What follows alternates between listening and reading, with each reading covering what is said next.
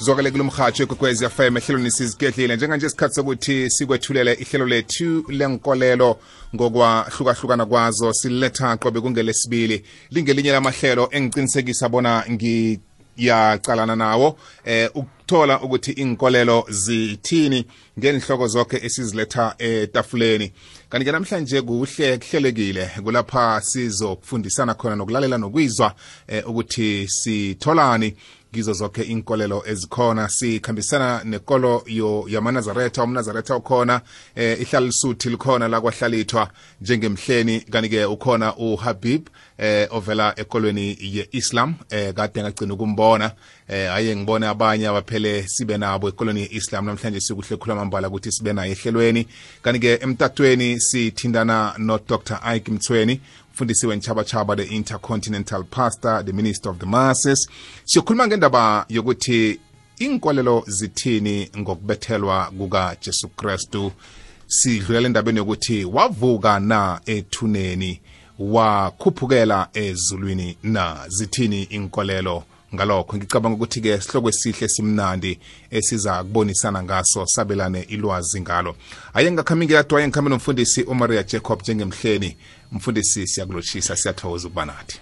Nakanjani ngiyathokoza kuwe mlingani wami? Ngithokoze kubobo david ukuphathisana sonke kuleli hlelo leli lasithi inkolo ezahlukeneko. Ngithaba kwamambala ngiyakubamula lokho kokwez f m lapho khona ukuthi vulela umrhatsho batshele nabanye ukuthi hayi namhlanje si sinaye udokotela udoctor isaac mthweni the minister of the masses brag ngithabe kwamambala ukuthi sibe nayo kuleli hlelo leli ya sibe kodwa nobaba umnazaretha esimbiza ukuthi ubaba ukabini uIsaac Kabini. Sinabo Isaac namhlanje Isaac Isaac.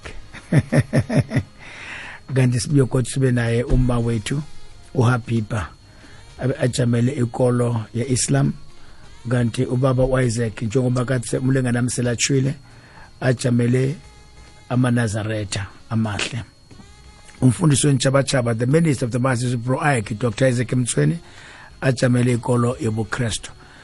Eh so indlalile kamnandi bobo bethu na ukhuluma ukuthi zithini inkolo ngoku eh ngokufa kukaJesu Kristu na esiphambanweni.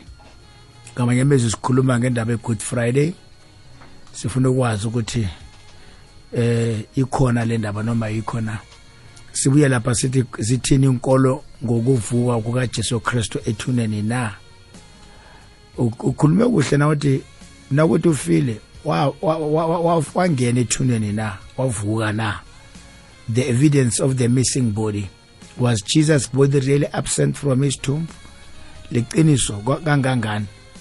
Ukuthi uJesu waphuma ethuneni na ukuthi ufile na? Nanyana kwaba khona abantu abamebako na ngombana amathuna walapha kwa-israyeli ngibuya khona ngiwabonile bebekade bangambulungi umuntu ngale ndlela thina simbulunga ngayo. Ukhupha umgodi ufaka umuntu phakathi emgodini.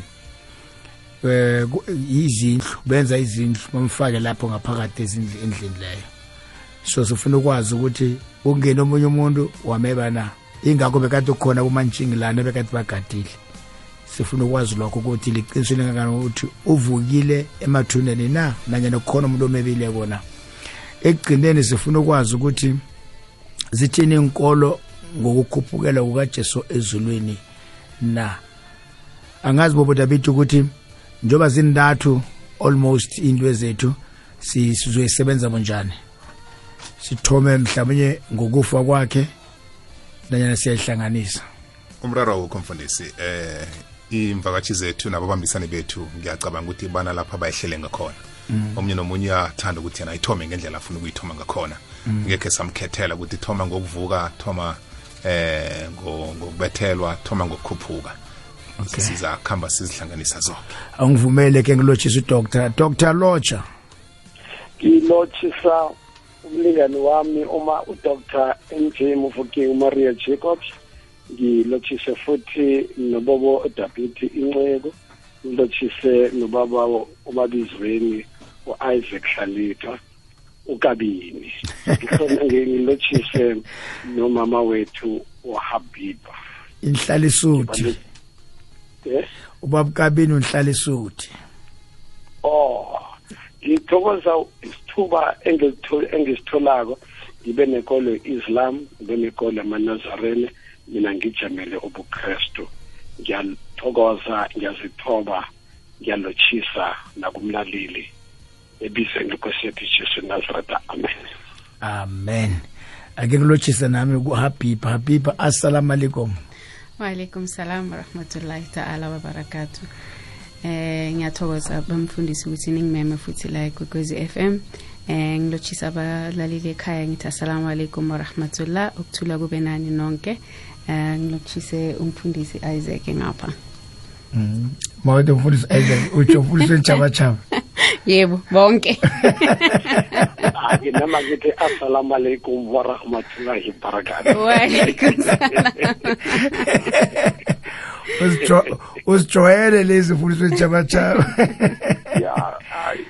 into zethu ke lezo. Ngathoma ukuzwa ngawo ukuthi assalamu alaikum nabobamasango siyathokoza. Siyathokoza. Ya asilotshise kodwa nobaba wethu ubaba uhlalithwa lotsha bahlalithwa Eh intambama ayibeyihle kuwe mfundisi umfukeni nomfundisi umthweni nomama uHabib ah nosihlalo ubaba David. yeah. Nabalaleli bekwekwezi FM bonke intambama ma ayibehleke. Inhlalisuthi. Ya inhlalisuthi. Laka laka Isaac elisa la nomfundisi umthweni angisalifuni kuhle kuhle mina.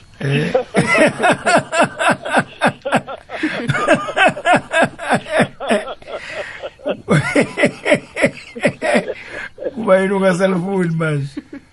Ah ligama leoperation. Lafika namabhono bafoster abo babethu ukuthi babizwe ngamagama wesikhuwa noma weChristianity. ya Angisalifuni. Uthi babukabile phelele noma uthi inhlalisuthi. ya tulukile bobo dabi alright ngiyathokoza eh ngithokoza khuluma mbala ngizokuthi namhlanje si ngizohaba nesikhathi eh ngoba kaningi umlaleli haye athole ukuthi isikhathi sakhe sesiba sincane khulu ngizo ngizokufuna ukuthi sihlale thwi phezulu kwesikhathi sinqophe eh singabi nokuthi silahlekelwe isikhathi. Angithome ngakuwe umfundisi wentshabachaba njengekolo yobuKristu engaziko ukuthi idzimelele khulu eh kufeni nekubethelweni kukaJesu Kristu nekuvukeni kwakhe nekukhuphukeleni kwakhe ezulwini. Ngikuvumele mfundisi sami bona usinikele ihlangothi lakho lobuKristu ngendlela ongathanda ukuthi ke uyithome ngakhona inkulumo yanamhlanje. Uyazi ngifuna ukuthoma ngokuthi kwa-israyeli kukhona lento esibiza ukuthi capital punishment. Isijeziso kwa-israyeli bekade sisetshenziswa bikukuthi umuntu nakunile noma aphule umthetho akhathwe ngamatshe bese uyafa. Kuphume ingazi afe. Manje-ke khona into eyenzekile nge-good friday yokuthoma. Lesikhathi ujesu kuthiwa isikhathi se-passover sephasika kwadinga ukuthi ujesu angakhathwa ngamatshe. Ngombana nakakhathwa ngamatshe bekuzaphuma ingazi kuphela. Ingazi bezizakhuluma indaba yokuthethelelwa kwezono noma ukulitshelelwa kwezono zomuntu. Kodwa nangaphezulu kokulitshelelwa kwezono zomuntu kwakudinga ukuthi ujesu agcwalise umthetho. Ngombana kwakufanele ukuthi enze njalo ukuze ukuthi azokwamukeleka kiwo umthetho waphiwa uMoses ukuthi awulethe kuma-Israyeli into eyenzeka mhlokho kwadinga ukuthi ujesu alenge esiphambanweni ngoba kusahloko 21 verse 23 encwadini yakadeuteronomy kunamazwi athi uthwelilisiwe loyo olenga emthini uqalekisiwe loyo olenga emthini. Ujesu nakalenga emthini waba isiqalekiso waba isithweleliso. Nakaba isithweleliso ujesu bekasiza thina ngombana nangabe bekade kuphume ingazi kuphela ingazi bezakulibalela izono kodwa zingasusi lento yokuqalekiswa. Umuntu nakafuna ukuya Johannesburg kumele akhwele itrain ethinga eJohannesburg. Konke kuzaba right. Kodwa na umuntu nakathi ejohannesburg athathe itrain eye petersburg nasekahlola ngefastere abona kuvela ihammanskraal athi yaqala futhi ivela ivorambat aloku athi hawu kanti itrain iyaphi? Ngithi sengiyejohannesburg mara sekuvela ihammanskraal kuvela ivorambat ukhwela itrain erong ethinge epetersburg manje nojesu kwadinga ukuthi alenge esiphambanweni azokususa lobu wrong ebegade sinabo azokususa le yomsuka lento ebegade senza ukuthi sifuna ukwenza isono isiqalekiso ukulenga kwakhe esiphambanweni bekuzalisa umthetho ngoba umthetho uthi kuqalekiswe loyo lenga emthini.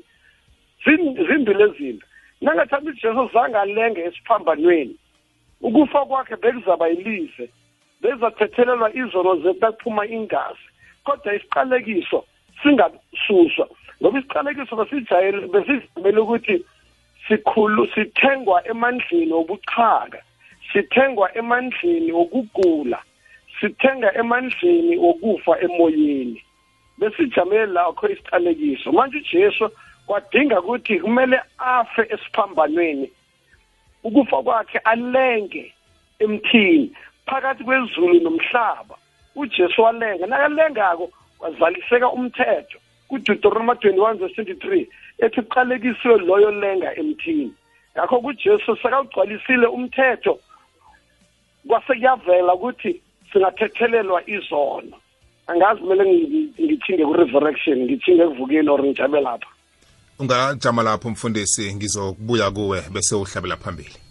Okay. Ngiyathokoza.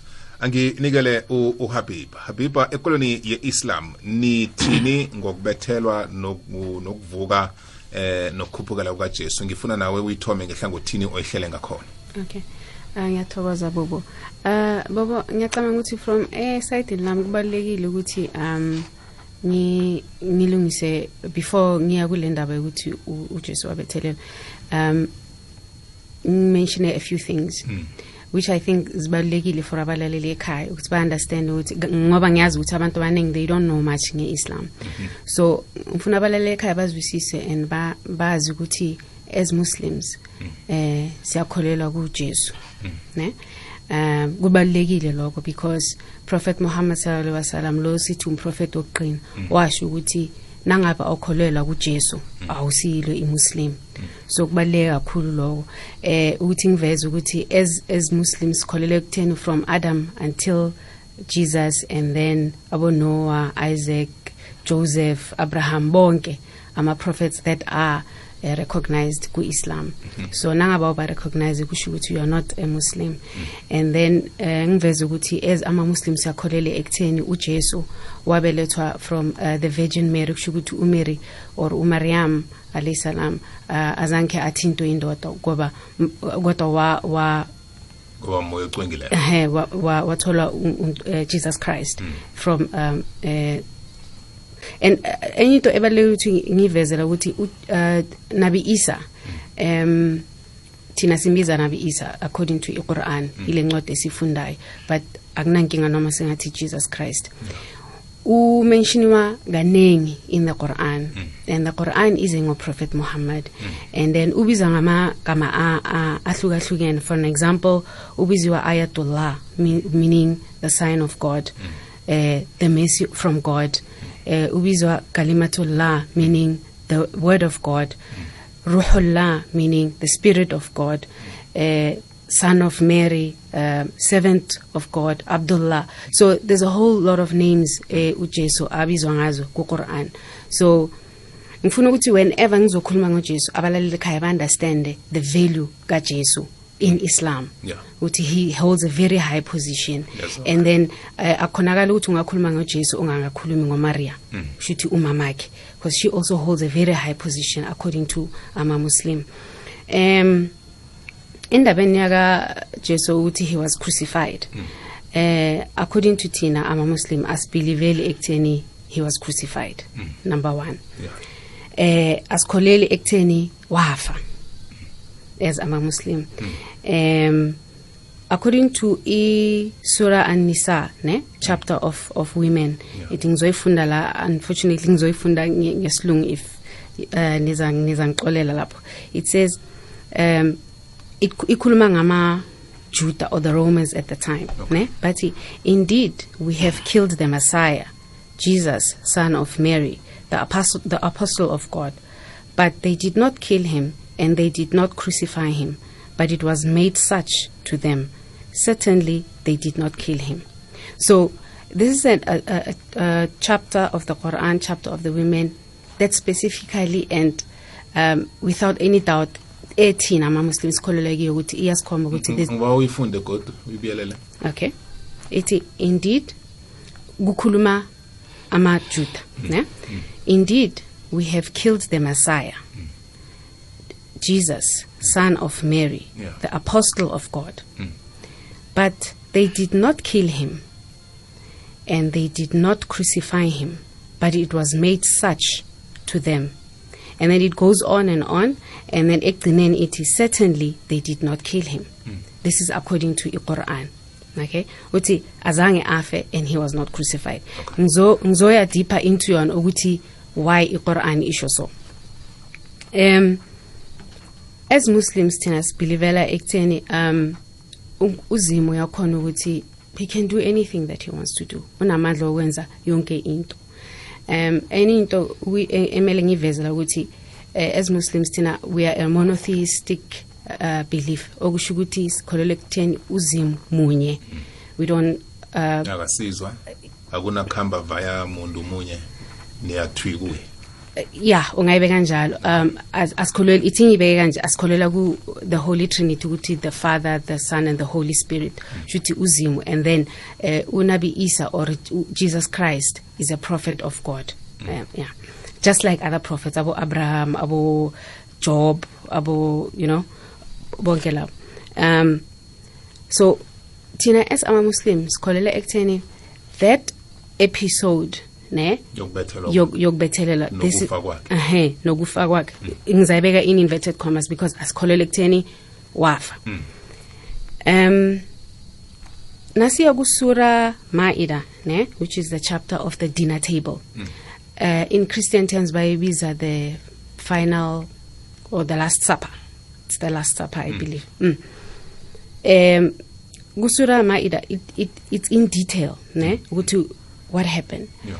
Um ngizay ngizay ngizayikhuluma in my own words.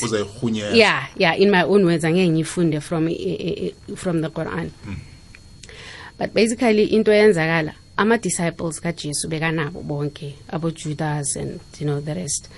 And um bathi kuye Jesu um ukuthi sibe ne that satisfaction sikholwe 100 percent ukuthi ngempela eh you are a, a, a messenger of God. Em uzimo wakho lo okhuluma ngaye angakhona ukuthi asilethele itafula egcwele ukudla na? We want to satisfy ourselves with ngempela ngempela you are a prophet of God. Can you do that? And uh, Nabi Isa alayhi salam what he certainly I can ask from my Lord. And then uJesu wacela from God ukuthi zimo eh in order for my disciples to to to to accept that I am true. Ngicela ukuthi uthumele the table. And um subsequent to that uzimo washo kuJesu ukuthi ngizothumela lelo tafula egcwele ukudla. However labo among you abangakholelwa to the on kule sign e- ezovela ngizobajezisa or ngizomjezisa. And ukudla lokho nakufika uJudas wahamba ke this is according to the Islamic um, understanding. Wayozama ukuthi abophise uJesu okay? So that he can be captured and tortured and etc ezinye siyazazi. Nakafika lapho he was made to look like unabi Isa or uJesu. So nabambona babone uJesu and he got captured and was crucified. This is one of the narrations according to Islam uthi this is how it happened. So hence la ku Quran ithi it was made seeming ukuthi uJesu uye o on the cross. But according to Islam that was not him. Um the subsequent ayahs zequran bekungubani? Bekungubani? bekujudas. Okay. Yeah. Mm. so the ujudas ngubuskariot nguye uyo owabethela. ombethrayile mm. the one who betrayed uh, uh, nabi isa or jesus or jesus christ nguye lo obethelwe according to Islam. Mm. Um, so according to Tina, u Jesus Christ or Nabi Isa azange acrucifyiwe. It was just made seeming or kubonakale ungathi injalo ekubeni Okay. Beka sinjalo. Ngi- ngiba ujame lapho. Okay. ngizokuba ujame lapho. Nomfundisi wentshabatshaba ngimjamisene khona lapho. Ngiyazi ukuthi naye kunokhunya kuphetheko angidlulele kuhlalisuthi eh la kwahlalithwa. Ngesaba ukuthi ngibize igama lokugandelelwa. Asuka ngibotshwe la. Ngivumela hlalithwa ukuthi nawe uyithabulule ngendlela oyihlele ngakhona. Ngiyathokoza baba mthombothi eh baba mthombothi ngibawa before ngikhuluma ngokufaka kaJesu ngikhulume ngama festival awu3 Alright. abantu abaqabanga ukuthi ifestival eyodwa. Festival yephasika festival kaEaster ne-festival uGood Friday. Those are three different festivals. Asobiyelele? Uphasika passover. Yeah. Ku-easter no-good friday. Okay. Angu-3 ahlukile. Esicabanga ukuthi into eyodwa esiqabanga ukuthi into eyodwa ngiyazwakala.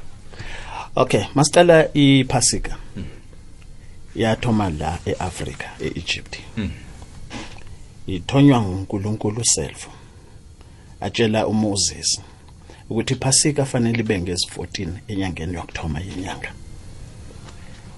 Uma ubheka ku-exodus 12 verse 24 ukuya ku-27 uthi wena nabantwana bakho lo mkhosi nizogqina kuze kube phakathi. It means iphasika izogqinwa forever.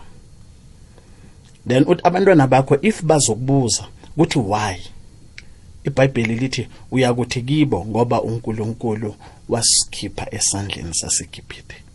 Iphasika leyo.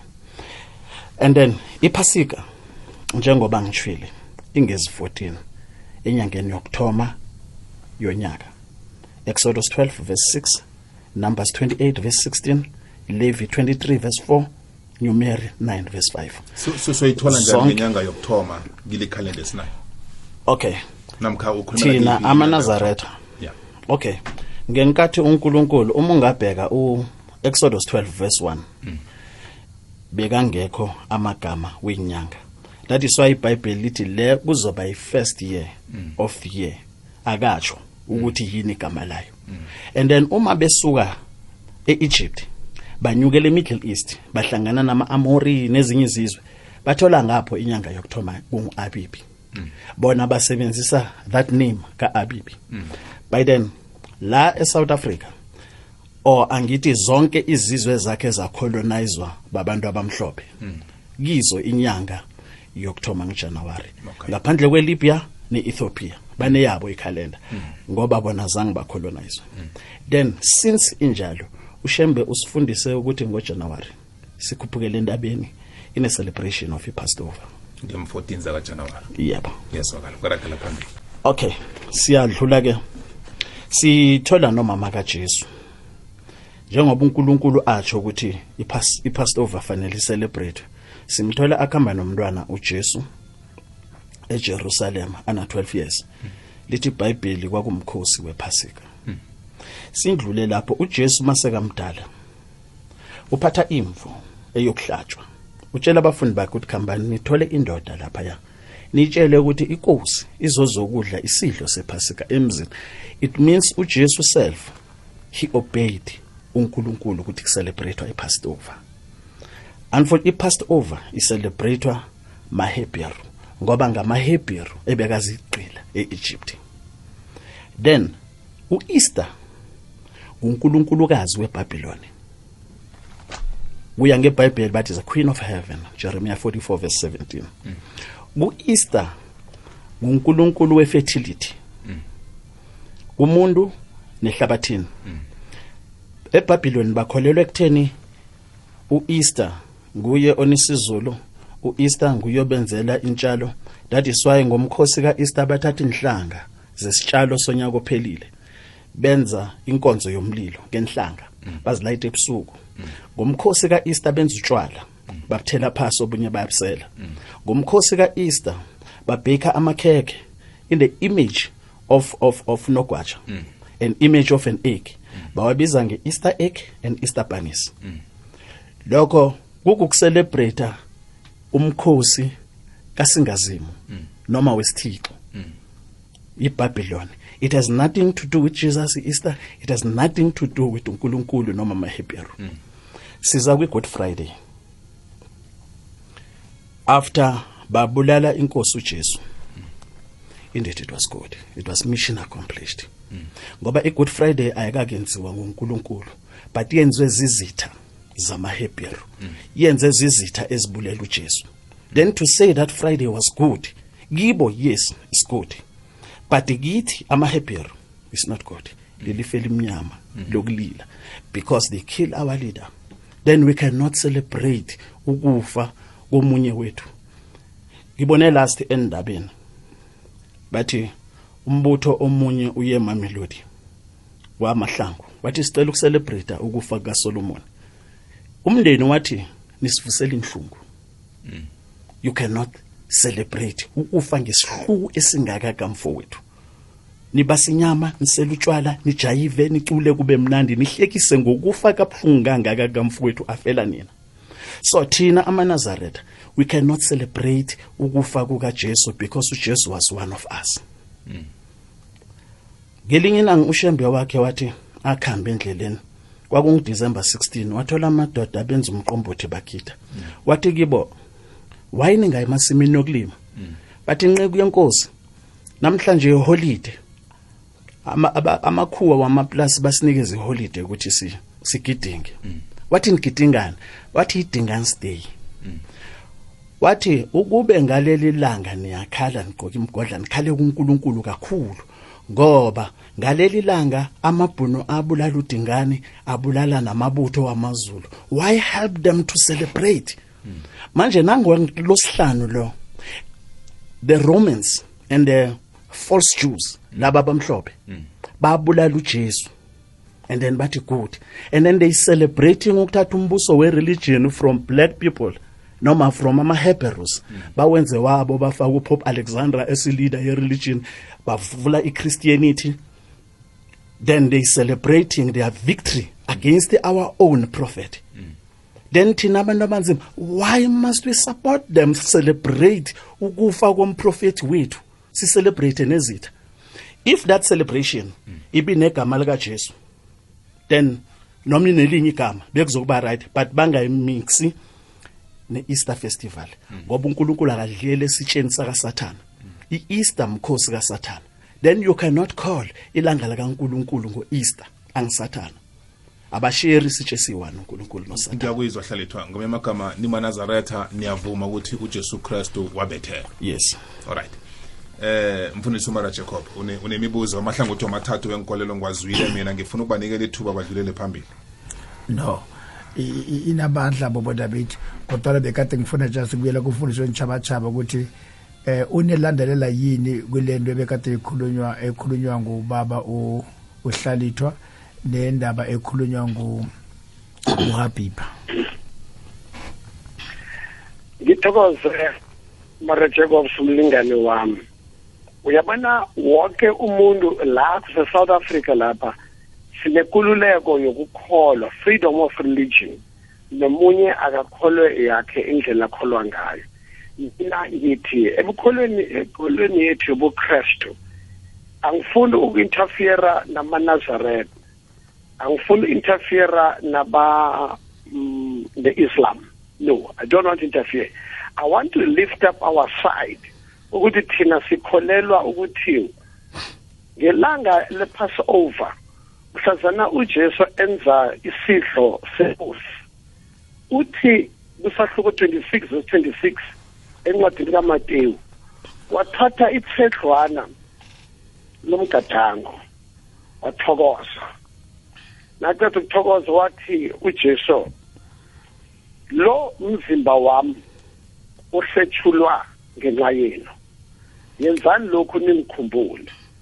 Bekakade akhuluma ngomzimba wakhe ukuthi uhlethulwe ngenxa yabafundi nangenxa yabaphasi kusho uthini lapho na?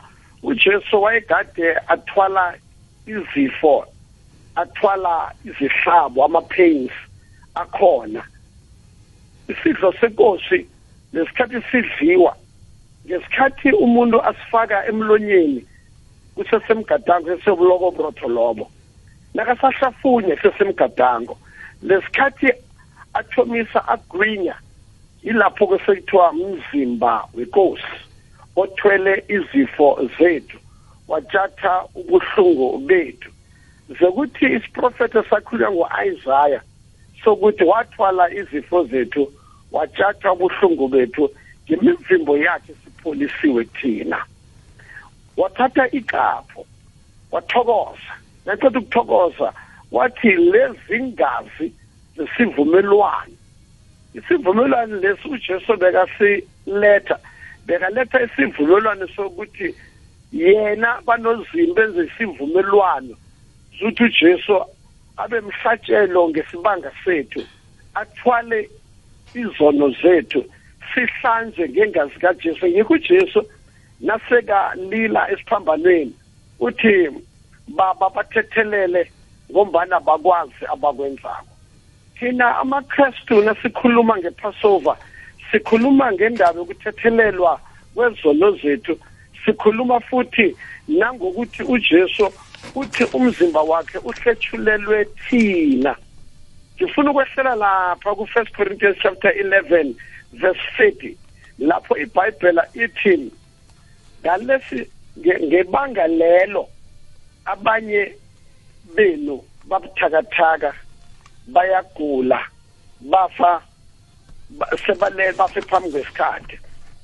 Uma ucala ibhayibhela nalithi bafe phambi kwesikhathi the, the, the amplified version ne-king james version i-king james ithi uh, they prematurely died. Manje nawuvele ucala uvesi 30 ukuthi why bafa phambi kwesikhathi na? Kungesibanga sokuthi abakazwisisi ukuthi umzimba kajesu uthwele izifo uthwele ubuthakathaka. Uthi ujoel 3 verse 10 and 11 akuthi obuthakathaka atsho ukuthi senginamandla sengiqinile. Umzimba isidlo senkosi senzelwe ukuthi sizokwazi ukuthwala izifo lezi ujesu ekade asithwele eziphambanweni. Nakathi umzimba wakhe uthwala izifo ukuthi ukugula kulapheke isidlo senkosi ngalindlela esihlelwe ngakhona sihlelelwe ukuthi kuphole abantu ezifeni zabo. Abantu bangabulawa izifo bangafi phambi kwesikhathi. Uyabona uma sikhuluma manje sijamele izinkolo ezahlukeneko. Akunasizathu sokuthi le nkolo lezi zingahlabana zonke zezintathu. Yilo naloyo ngale ndlela akholwa ngayo makarage anambe aye phambili. Amanazaret makanambe aye phambili i-islam mayinambe iye phambili amakrestu makanambe aye phambili adingi ukuthi sibe nempondo sihlabane njengenkomo esemngceleni enempondo ezide ehlabako laphayana. Kwamanje nomunye uveza ihlangothi lakhe ukuthi ukholelwa ini ekukholelweni kwakhe ini.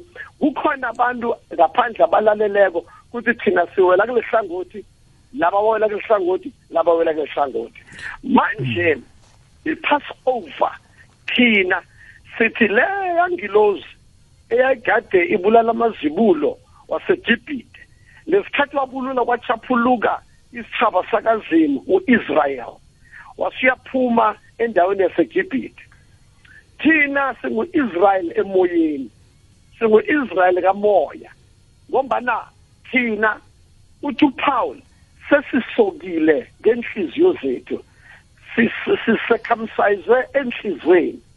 Sesingabantwana bakazingo sesisecircumciswe yabona amajuda ayegade acircumcise asoka enyameni. Kodwa-ke thina sikusoka emoyeni sisoka enhlizweni zethu. Ngakho singu-israyeli kamoya. Sinobudlelwane nozimu sibantwana bakazimu sibantwana abazakuya ezulwini mhla kube kulila icilongo bese siyahlutha siyezulwini angimelapho okay uthini ke mfundisi wentshabatshaba nge-easter ne-good friday? Ngoba i-passover uyikhulumile. Angeni lapho. Endabeni ye-easter. No asingeni ne mfundisi ngiyathokoza. Ngibawa nethi kancane la-ke kuhabibha uthi ujesu wathandaza wabawa ukuthi uzimu ehlise isidlo senkosi ngikuzwa uthi inkosi yasihlela. Ongikho ngikuphi? Lalela-ke okungikho ngilokhu okukholelwa i-islam. I-islam yona ikholelwa lendlela ekholelwa ngayo. Thina amakrestu sikhumbula incwadi ya lenumbers nencwadi yamahubo lapho ibhayibheli lithi bathi abantwana chapter 78 in the book of psalms ibhayibheli lithi can god prepare a table in the wilderness? Uzimo angalilungisa itafula ehlane na? Uzimo abalungisela itafula ehlane. Kulokhuya nakuzaba khona imana yehla ezulwini. Kulokhuya nakuzaba khona inyama inyama bese iyehla. Ngoba abantu bekhathi babuza ukuthi is there any bakery in the wilderness? Ngaba khona yini? i- ibhaga yini bakery ibhaga ibhaga mos ya uzimo angaprepara ini isinkwa ehlane na uzimo siletha isinkwa balethela imani futhi bathi inyama ke uzimo iletha inyama badla inyama thina amakrestu sikholelwa kuleyo tafula leyo yasehlane ama-israyeli ayithola then ujesu yena nakafika wenza isidlo senkosi lesidlo senkosi sakajesu sikhambisana namhlokya nabazokuphuma egibhite umoses watshela abantwana baka-israyeli ukuthi bathathe imvana enonyaka owodwa bese le mvana lena bayibeka lapha kibona ihlale le mvane lena for 14 days ihleli nehlezi after 14 days bayicilonge bayicheck ukuthi injani bayicilonge ukuthi injani. Bese ngalelanga lesi-14 bayihlaba le mvana lena. Nabayihlaba le mvana lena bese bayayidla le mvana. Ingazi zakhona ngilezi ezabheca noma zasimera umnyango zakusimera nasekhothameni kuzokuthi ebusuku bayose yonke le nyama bayidle bayiqede. Kwenzela ini na? Usahluko 105 verse 37 encwadini amahubo ibhayibhela lithi ekuseni nasebakhamba. Bakhamba baphethe igoli isiliva negolide.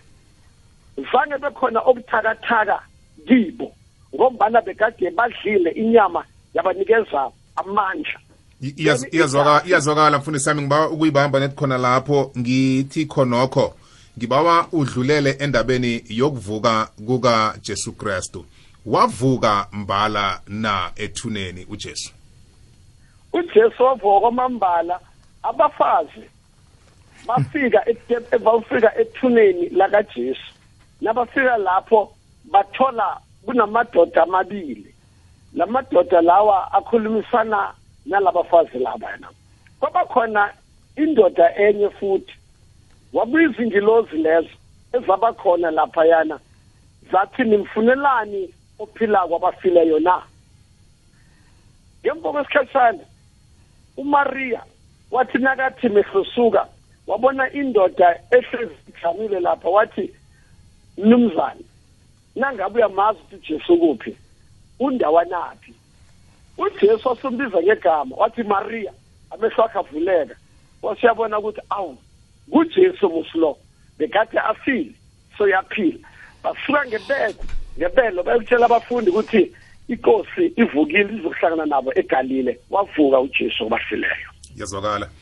Eh hlalethwa ngingazi tu nombuzo kumfundisi wenchabatshaba ngaphambi kokuthi ngikunikele ithuba lokukhuluma ngokuvuka kukajesu. Okay.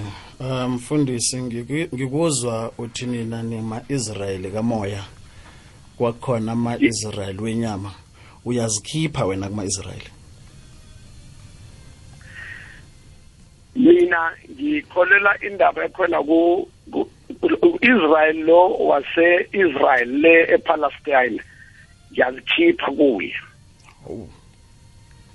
Ngiyathokoza.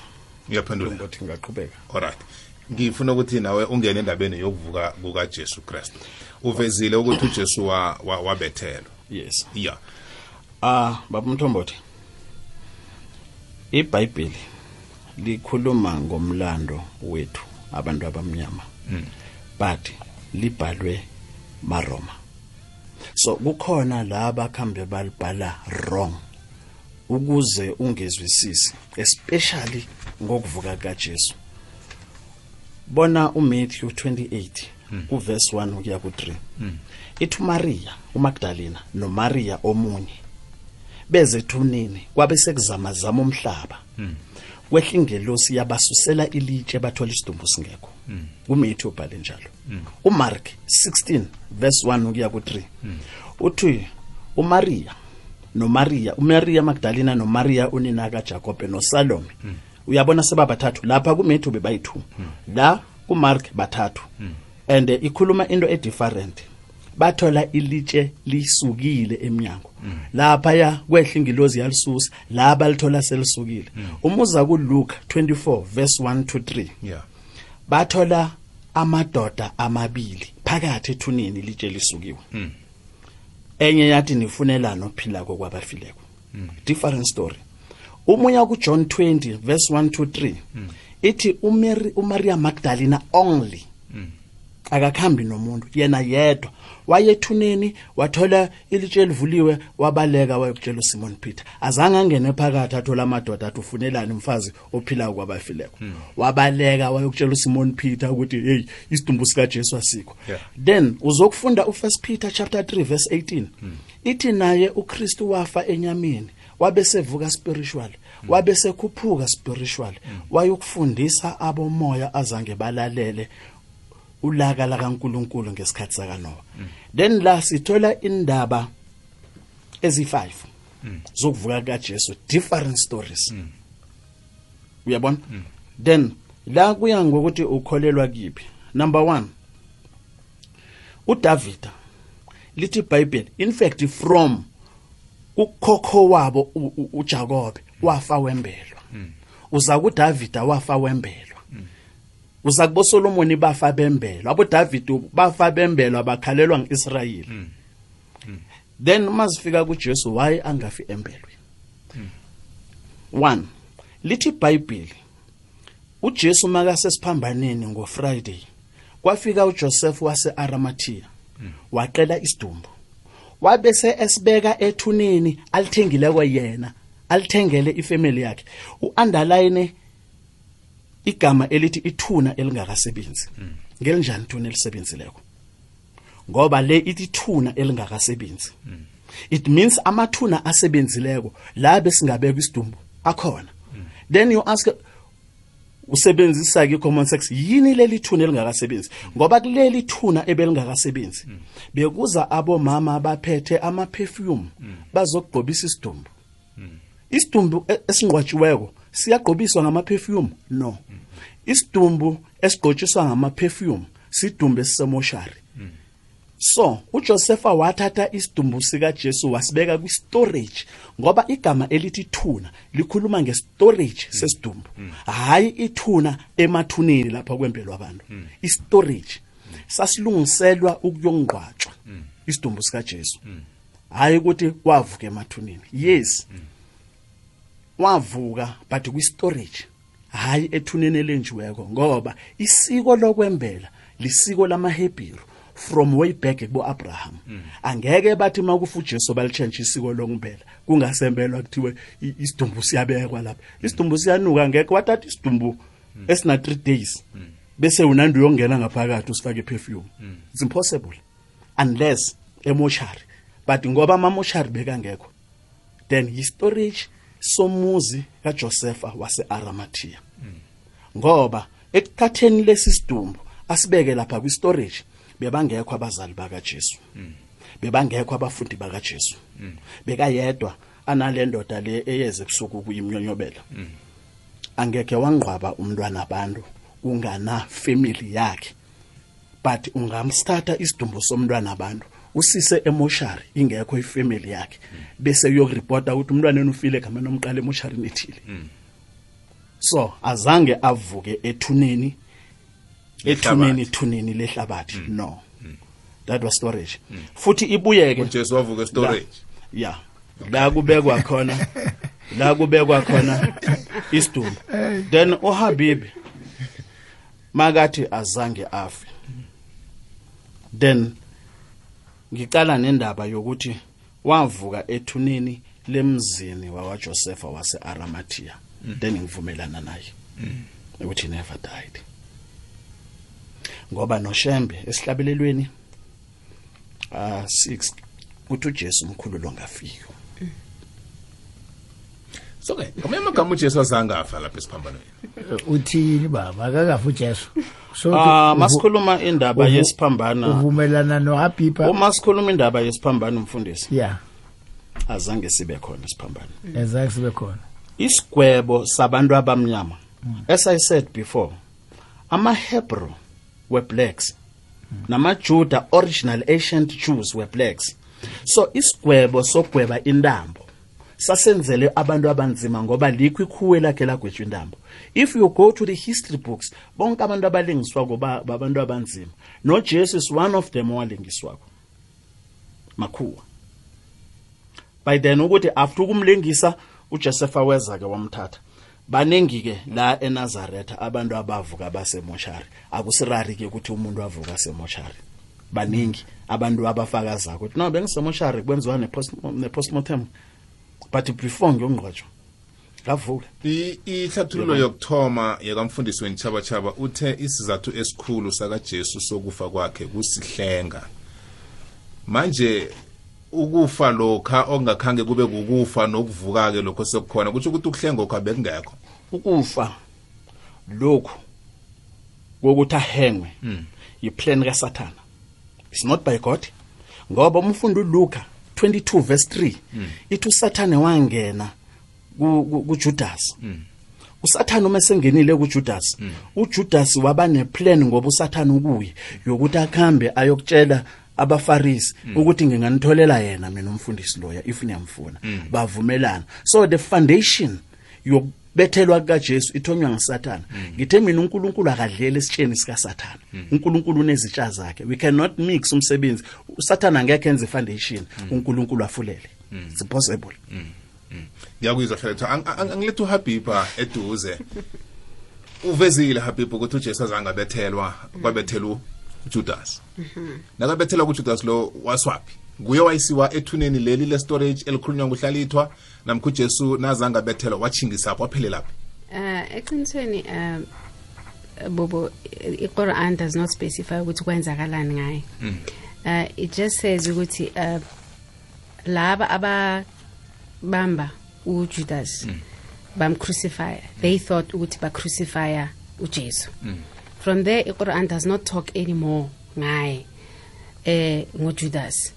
Um instead iQuran into eyishoyo ukuthi uh kusura nisa ne? Eh, it's chapter of the of women. Um verse number 159 ne? It says uh, there is none ngizoyifunda ngesilungu futhi nizangixolela ne? there is none among the people of the book. And the people whenever iQuran ikhuluma about the people of the book it's it's the Christians it's the Jews and uh, I'm a Muslim there is none among the people of the book but will surely believe in him before his death and on the day of resurrection he will be witness for them. So ngamanye amagama le verse le ama-muslim ukuthi um, it's a proof yokuthi for thina nabi isa alayhi salam or ujesu may peace be upon him uyaphila usaphila and hence he will witness uh, before his death meaning he is with us he's witnessing for us. Ukhona nathi. So uh, it, it goes to prove for thina ukuthi he never, he never died. Ukhona ukuphi? Ngoba leso sikhathi bakabonakala bambona. Yebo. manje ukuya ngeislam ukhona ukuphi? Um according to islam um kusura uh ithi ngizayi- ngizayi-check-a khona manje mfundisi angikhumbuli kahle ne? Ukuthi ikuphi exactly. But uh u-allah says ukuthi wam it says okay in english terms ne it it raised i raised him to myself. So it can be raised in the spiritual form uh, it can be raised physically but we would like to believe ukuthi he was raised both both physically and spiritually ngoba akekho awukho umzimba kaJesu ukuthi bathi uJesu wangcwatshwa lapha. Okay So- ibambe netlapho habiba. Mfundisi ontshaba chaba ya amahlangothi amabili la ngiyacabanga ukuthi ukhambisana nawo kuhle and angifuni usalele emva mfundisi sami ngibawa ungene sizwe ngakuwe ukuthi ngoba nangujesu wavuka kuthiwa wavuka estorage eh lapha bekasabekwe khona salungiselelwa khona safakwa namakha anuka kamnandi okusakulungiselelwa ukuthi angabekwa. Akhange avuke ethuneni lehlabathi elalijayelekileko kakubulungwa ngalo phambilini nabantu ngokuya ngokomlando webhayibheli. Nangokomlando wephasi nokubulungwa komuntu. ubuKristu buthini mhlambe? Budlula njani ekulumini efana leyo ujesu njengoba jacob sekade sekachazile ukuthi buya kwa-israyeli ubonile ukuthi ujesu ungcwatshwe basemtha amathuna afana nendlu. Ujesu wafakwa emhumeni. Lo mhumo lana afaka kujesu kwavalwa ngelitshe. Bekumkhuba wamajuda ukuthi ba- bayokuvesa isidumbu. Isidumbu sakajesu sazeswa ngamakha. Uma bathi baya bakhona godu bayokuzesa isidumbu ngelanga lelesithathu bathola uJesu sekavukile lapha uJesu akhange angene storage uJesu wangena ethuneni uJesu wangcwatshwa ethuneni.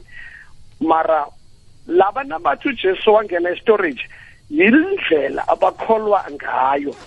Asibalwisi abakholelwa ukuthi uJesu waye storage thina amaKristu sikholelwa ukuthi uJesu wangcwatshwa wanqoba ithuna ngokuvuka. Lapha ku chapter 1 encwadini yamaHebheru. Nawufunda uzothoma evesini eh uthoma evesi 1 kabuthaka nje ukhambe nayo ukhambe nayo uyongena uchapter 2 encwadini yamaHebheru. Lithi iBhayibhela njengabantwana bahlanganyela ingazi nenyama. noJesu wahlanganyela ingazi nenyama. Sekahlanganyela ingazi nenyama ukuze azokwazi ukunqoba ukufa. Lesikhathi uJesu ayongena ethuneni kunenkulumo esingisi ethi set a thief to catch another thief. Kwadinga ukuthi uJesu abonakale ngathi ufana noSathane is a thief ungusathane. Kanti uJesu umbethe lobu bunyoka. Ngoba iBhayibheli lithi njengoMose waphakamisa inyoka yakhe ehlane kanjalo indodana yomuntu kumele iphakanyiswe. uJesu wafana nenyoka ukuze azokubamba udrago inyoka. Wangena phakathi ezinzulini zokufa. Umoya wakhe wasiya umzimba ethuneni. Umoya wakhe wayongena lapho usathane bekade khona. Uma ngizosebenzisa igama laselokishini yilapho afika khona amdrobha amakhwapha igama laselokishini lelo kodwa nyani eli-right igama wathatha izikhiya zokufa ne-hides waphuma ethuneni kuchapter 1 verse 18 encwadini ka-revelation lithi ibhayibheli ngangifile sengiyaphila ngiphethe izikhiya zokufa ne-hides kusho ujesu himself uthi ngangifile sengiyaphila ngiphethe izikhiya zokufa ne-hides waphuma ujesu wavuka ethuneni. Ujesu nakaye lapha ethuneni bekayokubamba udrago usathane ayomthathela legunya aleba ku-adamu. Igunya usathane alithatha ku-adamu bekuligunya lokontrola ukufa bekuligunya lokujama phezu kwamandla wesitha bekuligunya lokujama phezu kwamandla okugula nobuthakathaka weakness namandla wesono ujesu walandelela ugunya usathane leba uthi encwadini kamateyu ujesu nakakhuluma chapter 28 verse 18 ngiphiwe amandla ezulwini nasemhlabeni. Utshela abafundi bakhe ku-19 khambani nenze izizwe zonke abafundi nibabhabhatise egameni lakayise lendodana lamacwengileyo qalani kuzoba nani kuze kwesekupheleni lithi ibhayibhela wayevuka kujesu leso sikhathi atshela abafundi bakhe ukuthi amandla wonke aphethwe nguye. Bakhambeke bayokuthumela bayokwenza izizwe zonke abafundi. Uchapter 1 encwadini yaka yaka Acts zenza abapostoli nothoma ku verse 11 iBhayibheli lithi wanyukela phezulu uJesu ezulwini. Kwathi amadoda amabili athi kubafundi lo Jesu enimbona anyukela phezulu ezulwini. Uzokubuya futhi ngalendlela anyukele ngayo i-ascension leso sikhathi. Siyakhuphuka ke uJesu ubuyile ethuneni uvukile. Ngiba uyibambene khona lapho mfundisi nethi lapha eh ekuvukeni. Ngifuna sonke sikhambisane. Kodwa ke kunencwadi ezine namkha ezihlanu uhlalithwa azitsubhulileko ezikhomba ethuneni ezikhuluma okungafaniko. Uyavumelana nalezi ncwadi uyazazi ngendlela azitsubhule ngakhona. Zitsho ukuthini mhlawumbe ngokwehlathululo yokuthi baboneni laba bantu abakhuluma ngokuthola kukaJesu esithi bekasethuneni? Ngoba ngifuna nethi iqhakatheke lapho ingasidluli. Bonke labantu ba the bottom line is uvukile ethuneni uJesu. uLuka Dr Luke wegade akhona akhamba nabafundi. Uyayazi le ndaba lena uMarko bekade angomncane mara wabhala incwadi akhamba axoxelwa nguPetro. uMateyu wayegade abhalela amaJuda abajibhalela ngomesiya. Incwadi kaMateyu yonke ikhuluma namaJuda ibonisa amaJuda ukuthi uJesu wavuka kwamambala. Amagama ahlukahlukeneko. uSalom nomunye futhi lawa uhlalithwe awakhulumile ngivumela nawo 100% iBhayibheli nalo litsho njalo njengoba uhlalithwe akhulumile. The bottom line is wavuka kwabafileyo. Manje mfundisi wentshabatshaba uhlalethwa ngathi unombuzo ya phambi kobana ngabuza ke ngithi kwenziwa yini mhlawumbe ukuthi kube khona ukwehluka la munye lo babili lapha? Ikhuluma kwe ngathini ngombana kuyabadida abantu lokho ukuthi kuba yini bangaboni ngalihlo linye kwezinye izinto? Mfundisi nawucala indaba yendlovu. Omunye nakajame ngaphambili kwendlovu. Ubona indlovu ngathi inomsila omude. Inamehlo namaphondo ngapha eceleni. Omunye nakajame ngemva kwendlovu ubona umsila omncane wendlovu. Umejame ngeqadi ubona izindlebe ezinkulu indlebe enkulu endlovu umejame ngale ngeqadi abona indlebe enkulu ngendlovu. Mara bonke labantu bakhuluma ngento eyi-one. Bakhuluma ngendlovu injalo lento lento the bottom line ukuthi ujesu uvukile noluka nojohana bonke baphethe indaba eyi-one yakajesu. Kodwa kuya ngehlangothi nomunye ujame ngakuphi nomunye ujame ngakuphi. Yilento esibiza ngesikhuwa sithi the synopsis of the gospel ukufana kwamavangeli. La ivangeli ngokamatiyu ivangeli ngoka Marcos. Marko ivangeli ngoka Luka ivangeli ngoka Johannes umuntu oyi-one abakhuluma ngaye ngujesu. Akhe ngizohlalithwa ukuthi uyaneliseka nawo ah nganeliseki baba mthombothi because uma ucala ihistory yeBhayibheli uMark noLuke noJohn noMatthew akusingilaba kade kubafundi bakaJesu. Abafundi bakaJesu obathola ngeBhayibhelini nguJohn no noPeter kuphela abanye benza a collective scriptures ebizwa ngokuthi the gospel of 12 apostles unfortunately uCostadin zange ayiapprove ngoba beyinegama elithi Jehova phela ukwenziwa kweNew Testament bekukubulala kwegama elithi Jehova ngoba bakholelwa ekutheni uJehova uNkulunkulu wabantu abanzima noma uNkulunkulu wamahisi wamaHebrew so iBhayibheli bekufundwa iOld Testament. Sekubhlungu ngoba it's our own history abantu abamnyama but libhalwe ienemy la uMark noLuke noJohn noMatthew bebangekho ethuneni makuya abomeri nabafundi bakhe bebangekho ethuneni. Bebabalekile kunganalapho abatholwa khona. Bazivalele basabukufa. So abafazi abababa brave baya lapha. So into abayibhalileko i-collective information abakhambe bayibuza bayithola. They are not eyewitnesses as umfundisi atsho. Angibile kuweke njengamanazaretha nina nijame nayiphi eliqiniso yokuvuka kukajesu? Namkha Ka- ujesu azange afa kaSimon Peter ngokuba naye uKristu wafa enyameni wavuka emoyeni akhamba ngayo ukuyokushumayela abomoya azange balalele ngenkathi uNkulunkulu anolaka ngesikhathi sika Noah we so believe ukuthi umuntu ofako ufa enyameni bese avuke emoyeni not only uJesu bonke abantu. Bafa enyameni bese bavuka emoyeni. So sikholelwa kuleyo ukuthi uKristu wafa enyameni wavuka emoyeni. Right. ngi Ngama- ngithe- ngamanye amezwi, ukugijima nesikhathi ngiboleke nomlaleli. enyameni usalele. Inyama yikho. Usa usesemathuneni. And futhi abakhulumi ngayo ukuthi kwenzakalani. So there's so many stories ngenyama kaJesu. Ngoba abanye bathi wathathwa ifamily secretly bayomgqaba abanye bathi wavuka in flesh uyabona? But njengoba ngishwileke uma uqala um- umfundisi uthi waya kwaIsrayeli ngesikhathi senkosi uThingo umfundisi umthetho umfundisi umpanza umfundisi ungidi nabanye banikezwa ama plane ticket baya kwa-israyeli. Basibuyela nedocumentary abayenzako. One umlando wakwa-israyeli abawutshelwa iproper Hebrew. Njengoba ngishwile ukuthi amaHebrew babantu abamnyama bawutshelwa bagqilazi laba abahleli kwa-israyeli ngesibhamu nangenkemba ngekani. Then lo muntu makakhulumako uthi this is river jordan but we're not sure ukuthi ujesu wa- wa- wa- wa- wa- wabhabhadiswa kuphi somewhere here.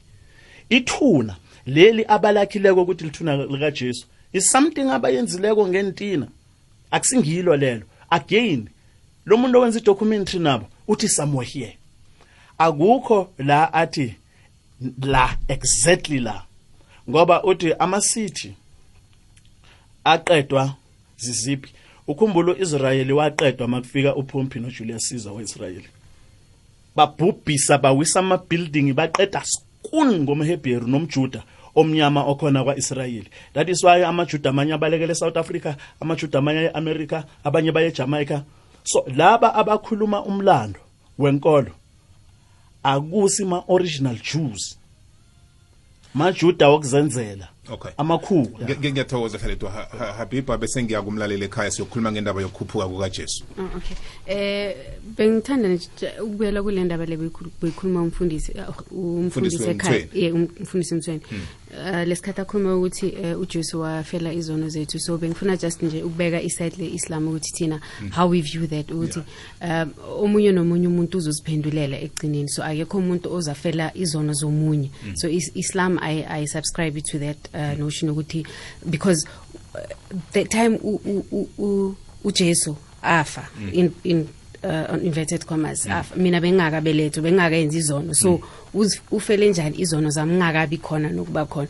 So thina from that analogy sithatha ukuthi ayenzekanga kanjalo and then ithi ngibuyele kule verse le bengikhuluma ngayo Yeah. isuranisa le ethi um ukuthi Allah says and Allah took him up to himself and Allah is mighty and wise. Okusho ukuthi he was taken both in spirit and the physical form. Yiko kungena mzimba ukuthi bathi ujesu nangula okay ngiyacabanga ukuthi lokho kuzosenza ukuthi sazi ukuthi i-islam ithini ngokukhuphuka kukajesu kafeaturesana ngifuna ukuboleka umlaleli isikhathi salale yi-20 minutes kwaphela. Ngifuna naye angene ngoba lindaba lezi inkolelo abalaleli bethu abakizo silethele lihlelo nalesi sihloko ukuthi umlaleli akwazi ukungena naye abe nomfakela. Bayaphuma baye egudini ku- kuyaphithizela ngapha ngaphandle. Eh umuntu ufanele azazi ukuthi kuba yini aya lapho uyelani eh iliciniso into ayiyelako. Ngokwehlathululo yenkolelo esiki esinazo estudio sekwekwezi ngiyathokoza ngoba ubuKristu bujameleke kuhle ubunazaretha bujameleke kuhle amanazaretha kade abuye egudini eh ngem14 zaka January ncancabeze iphasika ncancabeze ncancabeze enhlalsuthu eh zakuhlawulisa ikomo. Siku siku 0891207667 mlaleli. Ngibawa ungene uyizwa njani ikulumo eh, ekhulunyiweko ngalesi sikhathi? Begodwa yakho ikolo ithini? Ujamephi wena? Mfundisi ntshaba ukhona uhlalithwa ukhona nohabiba ukhona. Ikwekwezi siyakwamukela? Sikhona kunjani ngakuwe? Ya ukhuluma nosibisi yangitetata sekwamukela baba usibisi? Ya baba engingakusho ngokuthi inyama yonke esile ivuka njengoba ubaba uhlala ethakade seshilo ujesu wavuka ngokomoya hhayi ngokwenyama mm. Lokho baba mina ngasichaza ukuthi yonke inyama esila ivuka B- baba usibisi nakavuke ngokomoya azange bambone ngokwenyama laba bathi bambonile singeke saba nalo iqiniso kahle ukuthi kuyenzakalani ngalabo bantu mm. kodwa nje engingaqinisa sesikona ukuthi uma efile ngokwenyama yethu inyama izokufa Mm. aphelele ethuneni kodwa okwavukayo umoya wakhe okay izwakela kusibisi siyathokoza. Asizwe omunye landelako ikwekwezi? Eh njani? Sikhona kunjani? Khona. Eh ujesu wavuka Mm. ukuthi wavuka ku-storage or wavuka ethuneni is not important. Indaba ekulu sikhuluma ngokuvuka wavuka.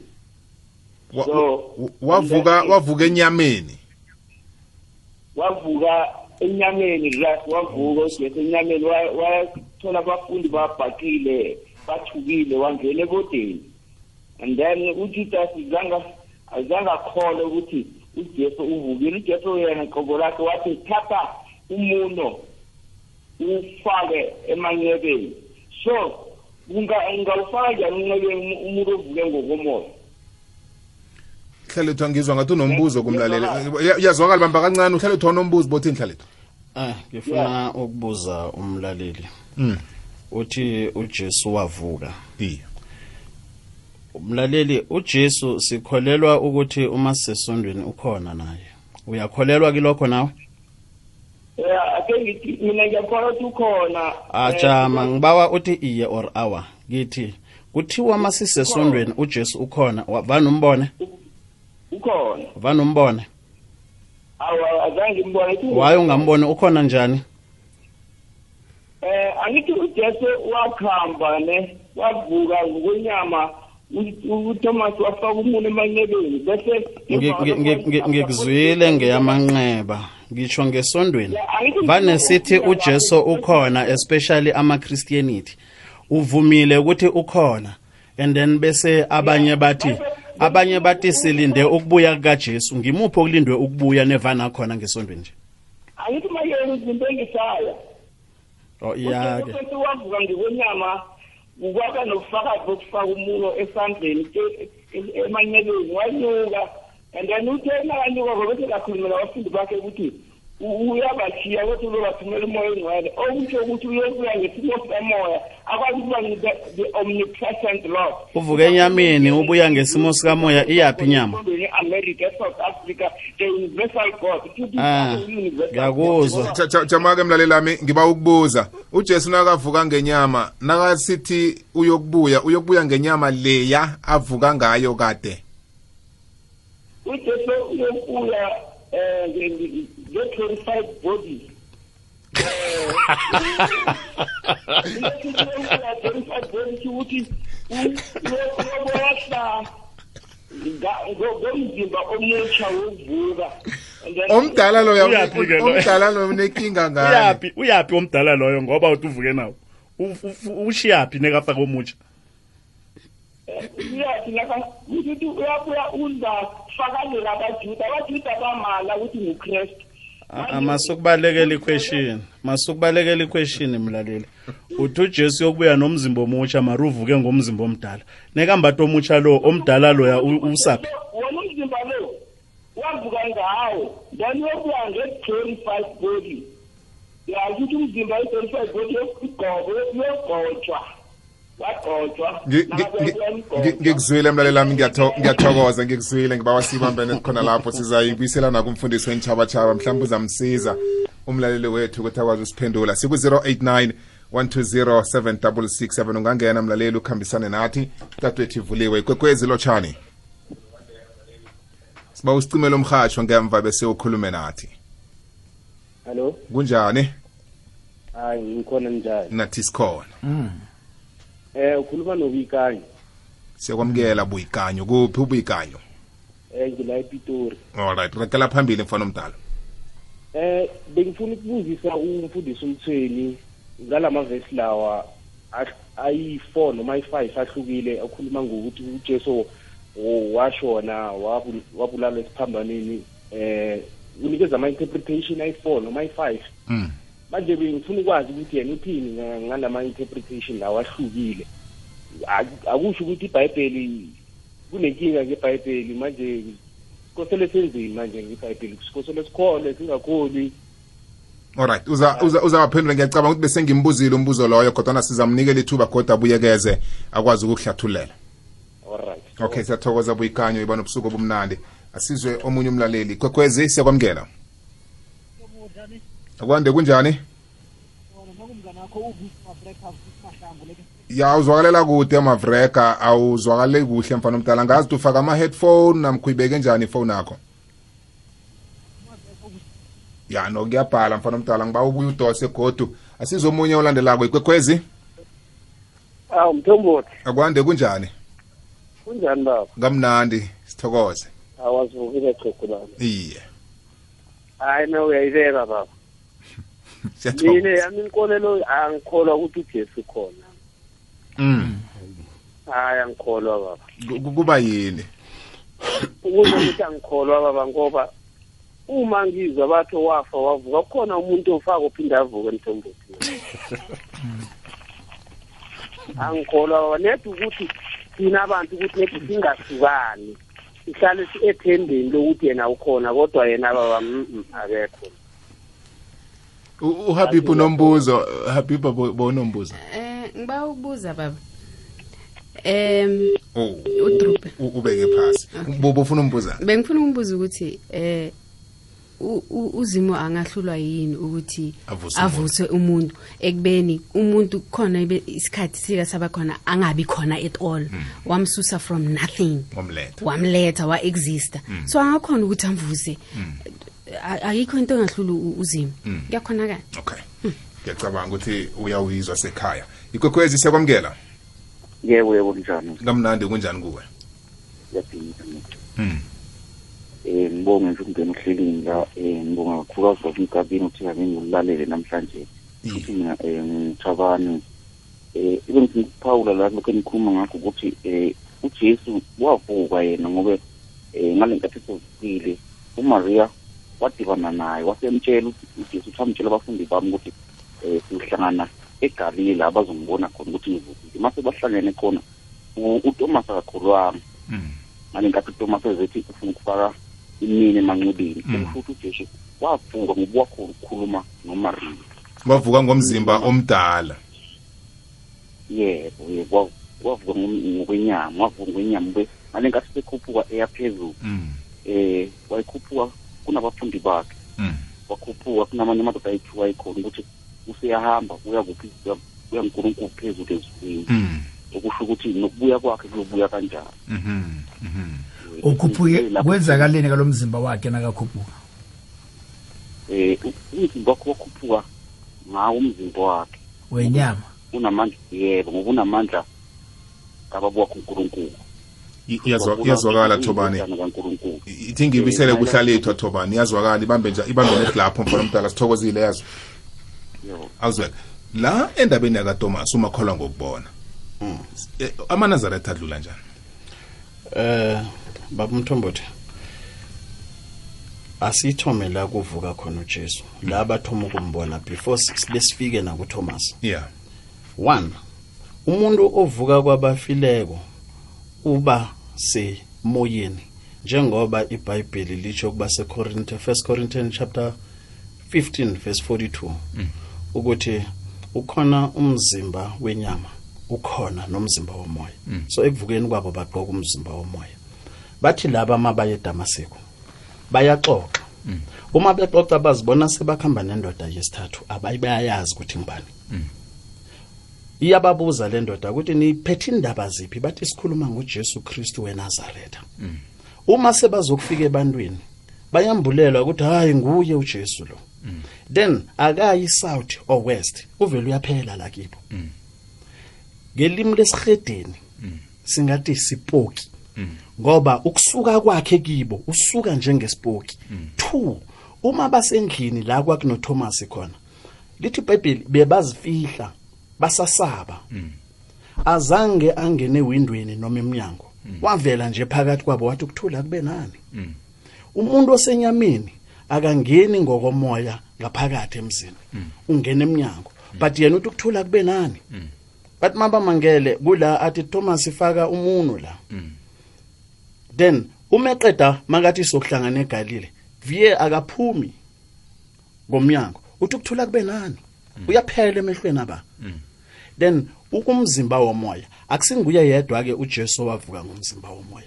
That is why uma ufunda kuMatthew 17 uthola uJesu asaphila asenyameni akhuluma noMosi noEliya abakumzimba womoya.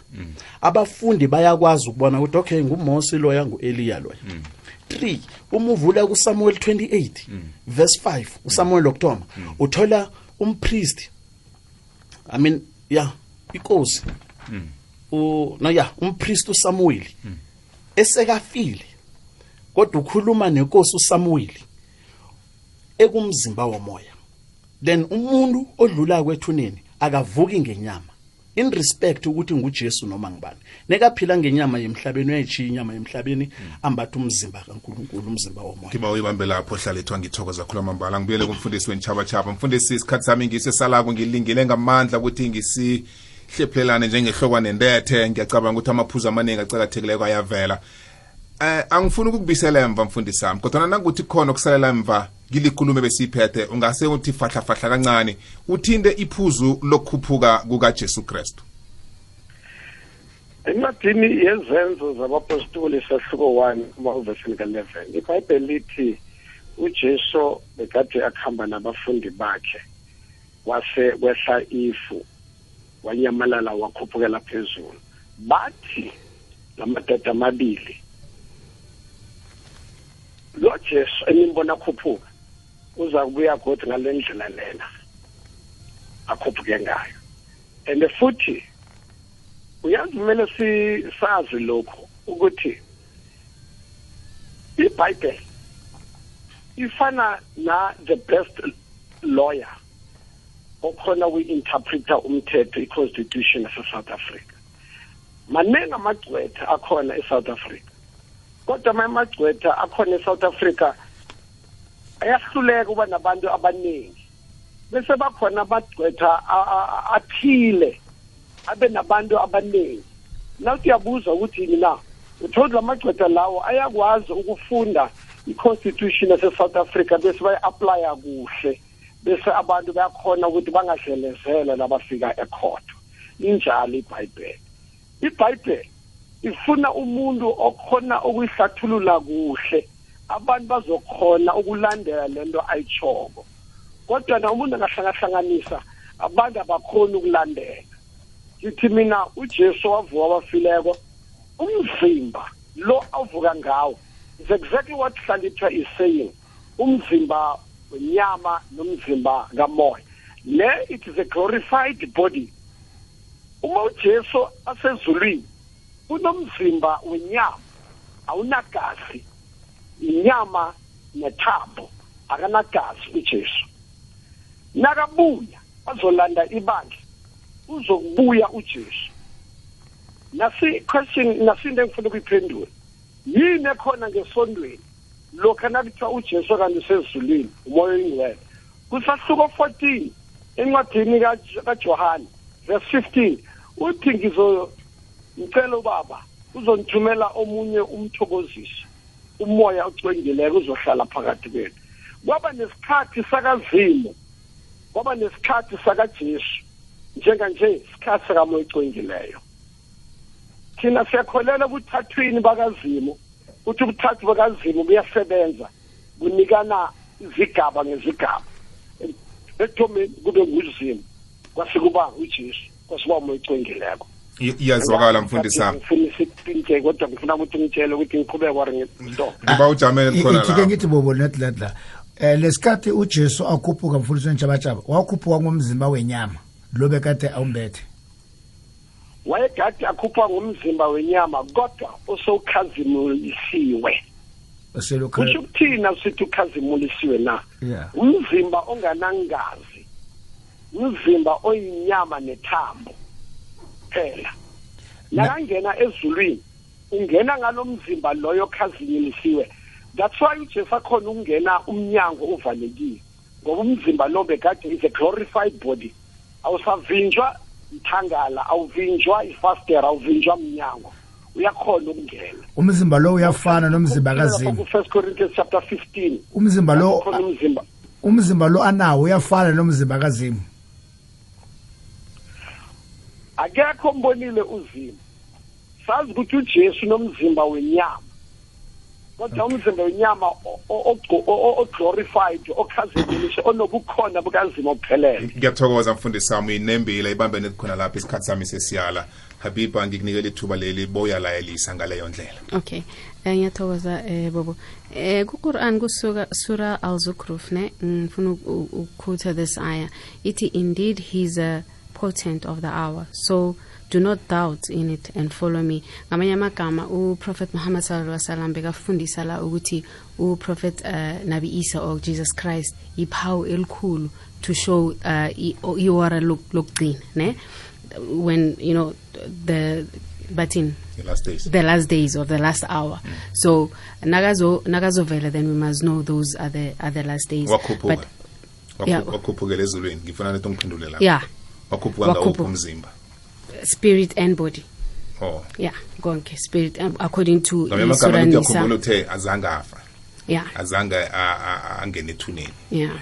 So-ke nakayokhuphuka Wakhuphuka. wakhuphuka ngalo mzimba bekade bamazi ngawo. yebo ngomzimba lo ne- and and his and spiritual as well. Okay. Yeah.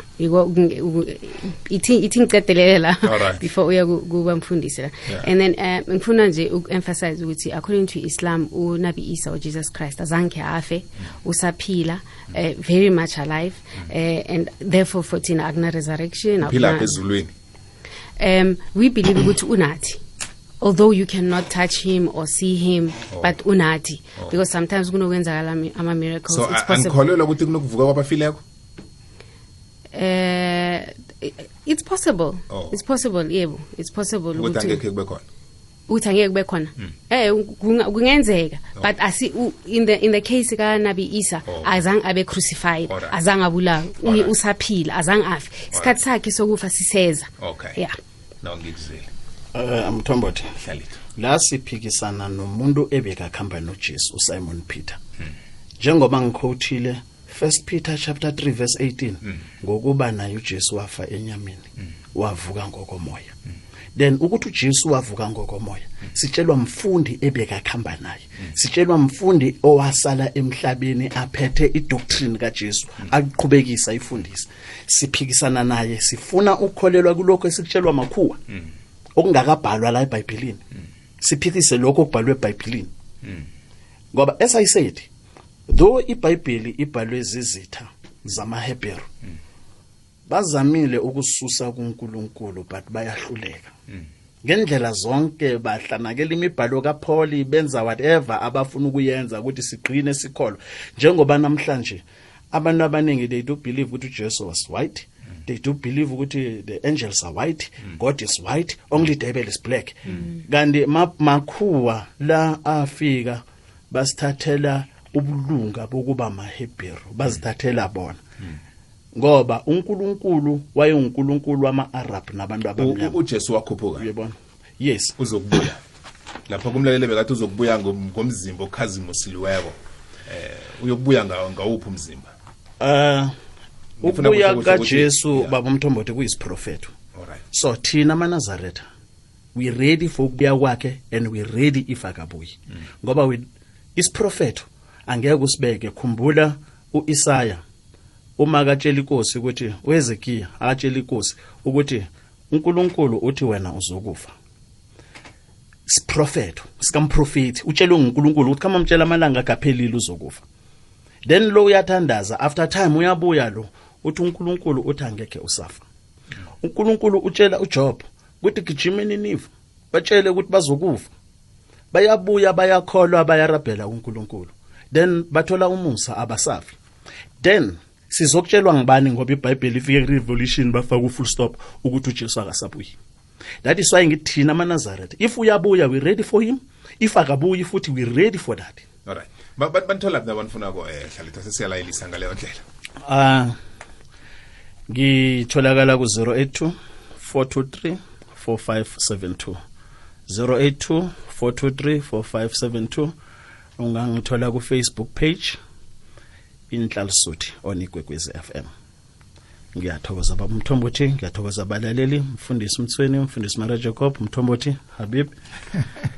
Nibele nibe khamba kuhle amen. Habiba wena bakuthola um Eh ngitholakala ku-email um mukhorosi 16 at gmail com. It's m o g o r o s i 16 at gmail com. Mukhorosi ngaleyo ndlela ngithi ngiyathokoza. Assalamu alaikum warahmatullahi taala wabarakatu mfundisi wentshabatshaba sinalayelisa emakhaya bakuthola phi nabakufunako? Hey bangithola ekangala lapho engine-camp khona ka-good friday. Ithoma ngolosihlanu tode ngomgcibe ngotode ngosondo 14 15 16 zabe kune-camp ka-good friday e- eka-shop lapho engitholakala khona. Kanti emtatweni ngitholakala ku-p a yam 082 double six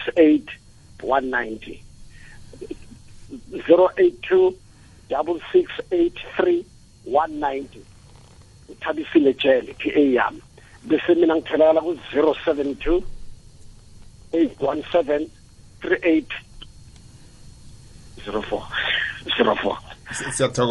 seven two eight one seven three umfundisi wenjabajaba uburayi kongenzeki ebantwini. Kuyenzeka ngithokozele ubaba uhlalithwa ngitho- uhabib ngithokozele kumara jacobs ngithokozele kunceku ubobo. Mfundisi. Sithokoze mfundisi wentshabatshaba sithokoze dr. Isaac emthweni asithokoze ke bonke zonke inithekeli zethu. Sithokoze hlalithwa sithokoze uhabibha ngithi nami hlangana nami udr. Mj mufike ngumaria jacobs eh uthi umfundisi wentshabatshaba bakhempe enkangala. Mina ngikhempe lapha etofontein h eduze nebroho ngo-9 o'clock ngolosihlanu imini yonke umgcibelo imini yonke ngosondo simini yonke sabe silapho umlaleli wekokwezi FM kukhanya ba ngithokozile bobo David. Sithokozile mlaleli kwekwez fm nangumfundisi uhappy sibanyoni olandela nomthandazo ebusuku ngaloko lokho lotshiswa nguzuzu nakunkimya nangile